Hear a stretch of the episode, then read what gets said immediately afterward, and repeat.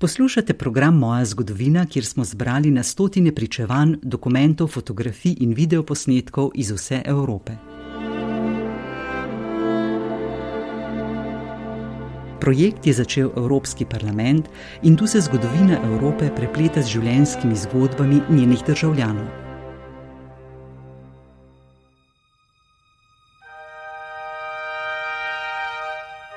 Pol Kolovalc se je rodil leta 1923 v Visomburu, majhnem francoskem mestu Alzaciji. Zaradi zemljepisne lege so Nemci regijo v preteklosti večkrat priključili svoji državi.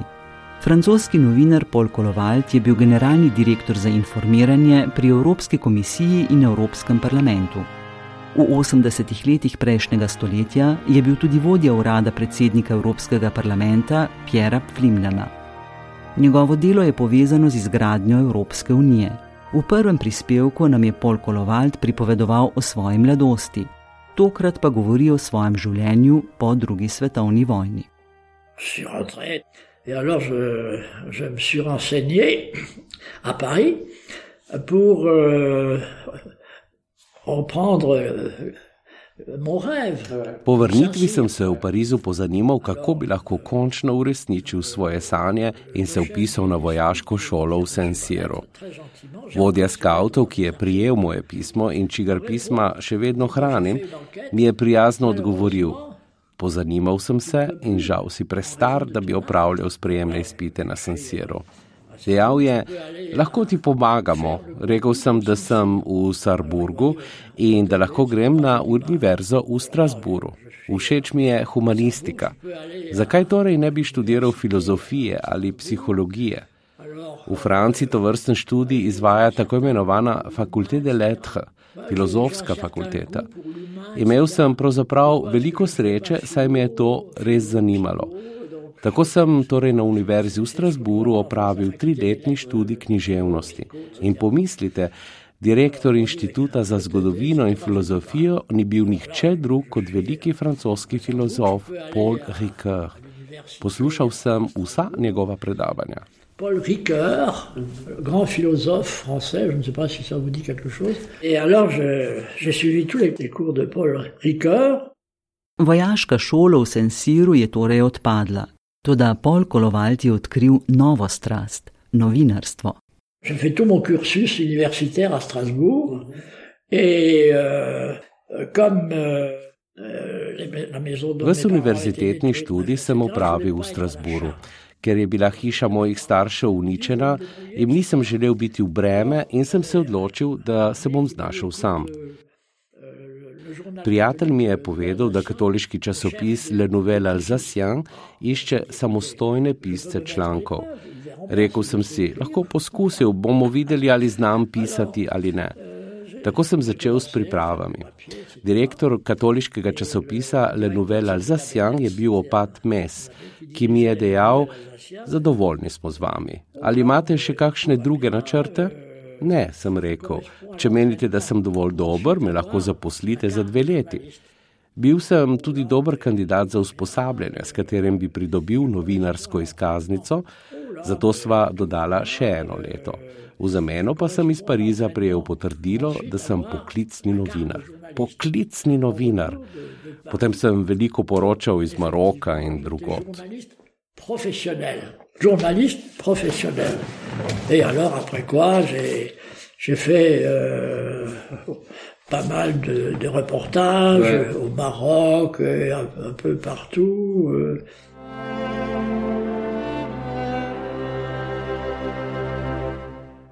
Od 8. do 13. augusta 1949 se je v mestni hiši v Strasburu prvič sestal odbor ministrov Sveta Evrope. Tu se je Paul Kolovald prvič srečal z Evropo. Kot novinar je imel priložnost spoznati enega od ustanovnih očetov Evropske unije, Roberta Schumana. Lorsque euh, à Strasbourg, au mois d'août, le, le Conseil de l'Europe a, a commencé, Ko se je avgusta v Strasburu začelo srečanje Sveta Evrope, so me na moje presenečenje kot mladega novinarja prosili naj napišem pet ali šest strani dolgo biografijo Roberta Schumana. Takrat sem torej v domu katoliških študentov spoznal Roberta Schumana. V rokah sem imel to svojo knjižico. Povabil me je naj vstopim. Šla sva na prefekturo, kjer mi je rekel, napisal vam bom posvetilo, a prej bi rad malo pogledal. To je bil njegov nagajiv način govora. Od tega trenutka dalje sva se dobro poznala in večkrat sem ga intervjuval. Večkrat je odobril, da ga intervjuvam ekskluzivno za alzaške revije. V reviji Ritm sem celo objavil članek v petih stolpcih in to na prvi strani. Naslov se je glasil Robert Schumann, napisal Paul Kolovald. Donc c'est la biographie de Robert Schumann. Donc avec une revue qui s'appelait Rythme, où euh, un jour on a eu la une sur, sur cinq colonnes, euh, Robert Schumann euh, par Paul Kolovald. Paul Kolovald se kot novinar spominja tudi prvih nemških volitev po vojni. Zvezdne volitve so potekale v nedeljo 14. augusta 1949. Izvoljenih je bilo 400 poslancev prvega izvoljenega nemškega zvezdnega parlamenta.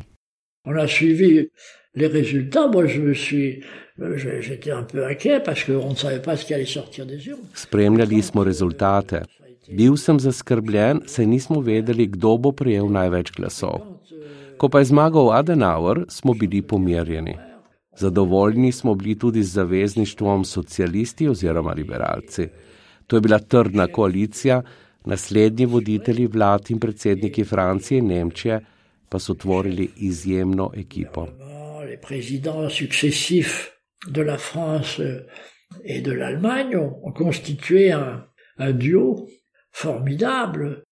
Na pomen zavezništva med Francijo in Nemčijo ga je v 80-ih letih prejšnjega stoletja opomnil Bernard Clapier, nekdani vodja Šumanovega kabineta.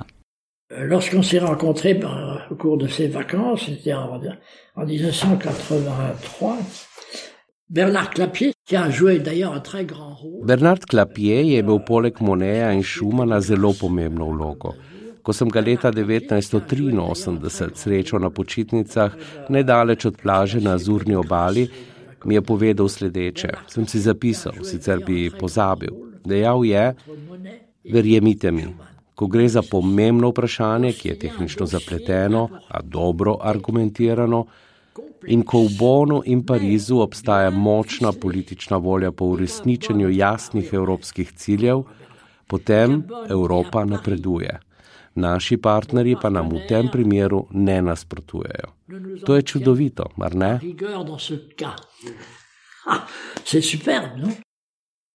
V času, ko je delal za revijo Nouvelle Alsacien, je bil Paul Kolovald priča Šumanovi deklaraciji.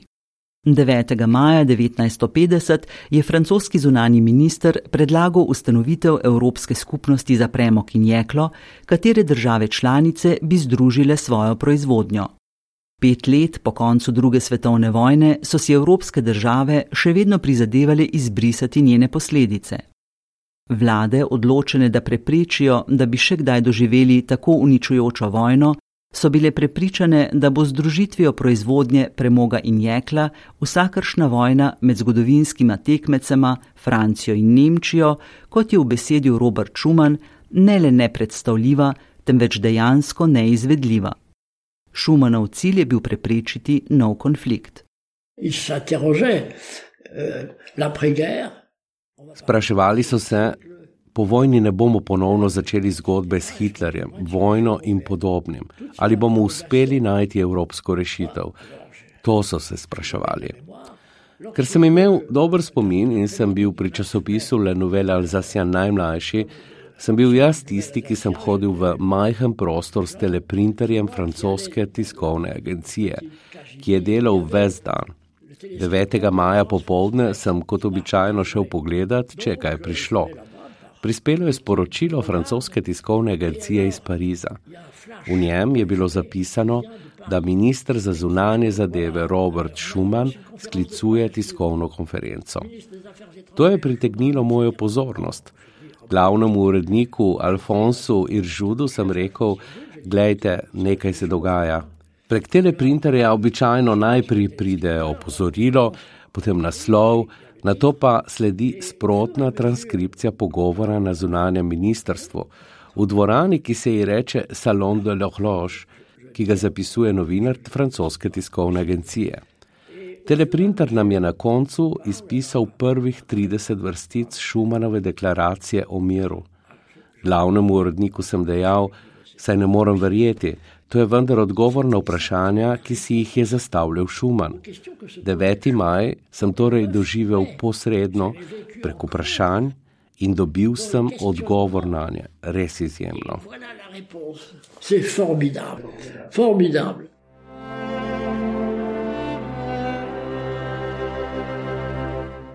Pol Kolovalt meni, da je projekt Evropske skupnosti za premok in jeklo za ustanovitelje Evropske unije pomenil le začetek večjega projekta. Euh, to je bila Evropska skupnost za premok in jeklo. A Jean Monnet je že razmišljal o naslednjih korakih, ki pa so bili politični in res ustanovili smo Evropsko obramno skupnost. To je skrajno politično, mar ne? Toda, kaj se je prav zgodilo z njo? Naš eh, dragi general de Gaulle, ki ima sicer svoje zasluge, se je v francoskem parlamentu povezal s komunisti. Ti pa so glasovali proti temu projektu politične skupnosti, ki bi vključevala obrambo. In to je pomenilo njen konec. In odtlej se le šušlja o ponovnem zagonu podobnih projektov. Ils ont voté contre ce projet de communauté politique qui comportait la, la défense. Et voilà, crac. Et depuis, on parle de reprendre certains projets euh, euh, timidement, euh, etc. Po delu pri časopisu Le Nouvel Alsacien se mladi novinar pridruži najuglednejšemu francoskemu časopisu Le Monde. Dopisnik časopisa Le Monde v Strasburu je sprejel zaposlitev v svetu Evropske skupnosti za premok in jeklo. Rekel mi je, da lahko prevzamem mesto dopisnika pri časopisu Le Monde in da jih bova kar obvestila. Odgovorili so mi, če vaš kolega pravi, da ste sposobni, potem vas bomo preizkusili.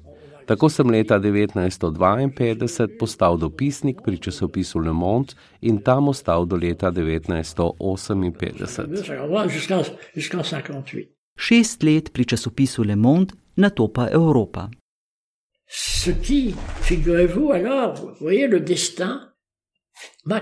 To me je privedlo do evropske karijere. Tako je hotela usoda. Ko je visoka oblast ustanovila svoj sedež v Luksemburgu, je v stik z mano stopil vodja tiskovne službe Jacques Rabier. Poklical me je in mi rekel: Nikoli se še nisva srečala, vendar vas poznam. Že dolgo berem vaše članke v časopisu Le Monde. Ali bi se lahko srečala v Strasburu? Jacques Rabier pride v Strasbourg in mi reče: Ste zelo sposobni. Na noge moram postaviti celotno tiskovno službo Evropske skupnosti za premok in jeklo, vi pa izpolnjujete skoraj vse pogoje. Čez dva ali tri tedne bomo v uradnem listu objavili prosto delovno mesto. Vzeli so me in moja evropska karijera se je začela. V Luksemburgu pa nisem ostal do, dolgo časa. Imeli smo namreč sestanke z različnimi izvršnimi telesi, saj smo takrat že imeli Evropsko skupnost za premok in jeklo, Euratom, skupni trg s komisijo, na čelu katere je bil Walter Hallstein. Tam je bil tudi podpredsednik komisije Robert Mahjolan. Jacques Rabier pa je sodeloval z Žanom Monejem. In Mahjolan, Monet, vse to je bilo nekoliko. Mahjolan je torej telefoniral Jacques Rabieju in dejal, Hallstein je pravkar zaposlil mladeniča po imenu Joachim von Stilnagel in tudi jaz potrebujem uradnega govorca. Pa so mu odgovorili, imamo pola kolovalda, tistega, ki je pisal za časopis Le Monde. Potem ga pa vprašajte, ali bi bil pripravljen zapustiti Luksemburg in se preseliti. Tako so me sprijeli v ekipo, v prvo ekipo uradnega govorca Walterja Hallsteina. Vodja ekipe je bil italijanski diplomat Giorgio Smoquina, s katerim sva si delila odgovornosti. Potem smo zaposlili še enega Belgica, na to pa še Italijana. Počasi se je oblikovala prva ekipa uradnega govorca. Du porte-parole de Hallstein, où euh, le, le, le numéro 1 était un diplomate italien, Giorgio Smoquina. Et, et donc, euh, voilà, euh, je partageais les responsabilités. Ensuite, on a recruté un Belge, euh, ensuite un Italien. Et peu à peu, on a. Euh, Ouais. C'est la première équipe du, du porte-parole. hein. V tem obdobju je Paul Kolovald ohranil stik z Robertom Schumannom. Ça a été euh, euh, long contact. Et. Z njim sem bil dolgo v stiku. Njegovo zadnje pismo sem prejel, ko je končal svojo politično kariero kot minister za pravne zadeve. Tega dela sicer ni dolgo opravljal. To je bilo njegovo zadnje pismo in še danes ga hranim. Pismo je bilo naslovljeno na ime Paul Kolovald pri časopisu Le Nouvel Alsacien v Strasburu, saj ni imel mojega osebnega naslova. Še vedno hranim pisemsko vojnic, v kateri je kartonček, na katerem piše minister. Sporočilo pa je naslednje: Hvala za poslane dokumente. Vedno sva bila v stiku in dobro sem vedel, kaj ga zanima. Pravil mi je, moji sodelavci ne morejo vedno za vse poskrbeti. Če vidite kaj zanimivega, mi to prosim pošljite. To je zadnje pisno sporočilo Šumana, ki ga imam. Et, et donc, euh, c'est au fond la dernière manifestation écrite que j'ai de, de, de, de, de Schumann. Leta 2021 je Vatikan nekdanjemu francoskemu ministru za zunanje zadeve priznal junaške kreposti, saj je prispeval k ustanovitvi prve evropske skupnosti. S podelitvijo tega statusa Robertu Schumanu je papež Frančišek zaznamoval odločilen korak na dolgi poti do morebitne beatifikacije. A Pol Koloval temu ni naklonjen. Quand il voyageait comme ministre des Affaires étrangères, euh, il disait, écoute, tu me diras quelle est l'église la plus proche pour aller le matin à la messe. Mais il faut faire très attention parce qu'il Na svojih potovanjih v vlogi zunanega ministra je vedno pravil: Povej, kje je najbližja crkva. Zjutraj je hotel k maši. Previdni moramo biti, saj mi je to veliko pomenilo. Spomnim se, da je rekel: Res je, da sem zunani minister in katolik, a tu nisem zato, da bi izvajal krščansko politiko. Želel je, da bi bilo to jasno. Gre za zelo občutljivo vprašanje. Prvič gre za pobudo njegovih sodelavcev in Šuman nikoli ne bi pomislil, da bi lahko postal svetnik. Kot sem vam pravkar povedal, se je imel za katoliškega zunanega ministra, ni pa želel izvajati krščanske politike. Tako. Menim torej, da si sam ne bi nikoli želel tega naziva. Zlasti ne, če bi vedel, da bi skupaj z De Gasperjem in Adenaurjem tvoril skupino treh povojnih katolikov. To je seveda samo moje mnenje. Mislim, da bi s tem zmanjšali njegov ugled. Nekdo, ki ni veren, nekdo, ki je evropejec, nekdo, ki sam se požvižgam na svetnike. Boril se je za mir, jaz pa si miru želim. Pravim, da bi to ogrozilo Šumanov ugled in mi je ljubše, da ne postane svetnik. To je nekoliko paradoksalno, ne vem. Preživelih ni več. Morda mu ne bi bilo prav, kar pravim, ampak to je moje prepričanje. Son rôle, son rayonnement euh, est compromis parce que c'est réducteur.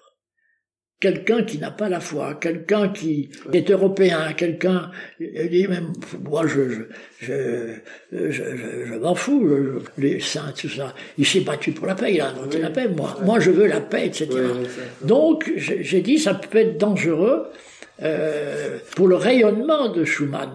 Moi je préfère qu'il ne soit pas sur l'autel. mais c'est c'est un peu paradoxal ça. Je, euh, je ne sais pas si il n'y a plus de survivants, mais peut-être que ça lui ferait pas plaisir ce que je dis, mais c'est ma conviction.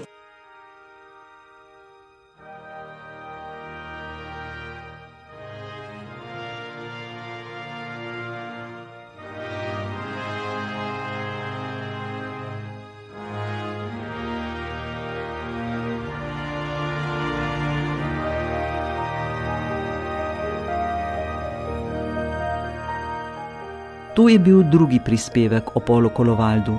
Pripravili smo ga na podlagi intervjuja, ki ga je z njim opravil generalni direktor za prevajanje pri Evropskem parlamentu Walter Maurič.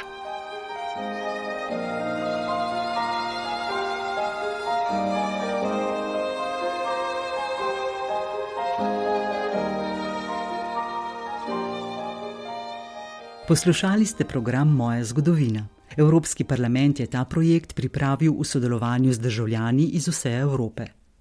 Če vas zanima več o podcastih, ki jih pripravlja Evropski parlament, vas vabimo, da nas poslušate na europarl.audio ali pa obiščete portal My House of European History.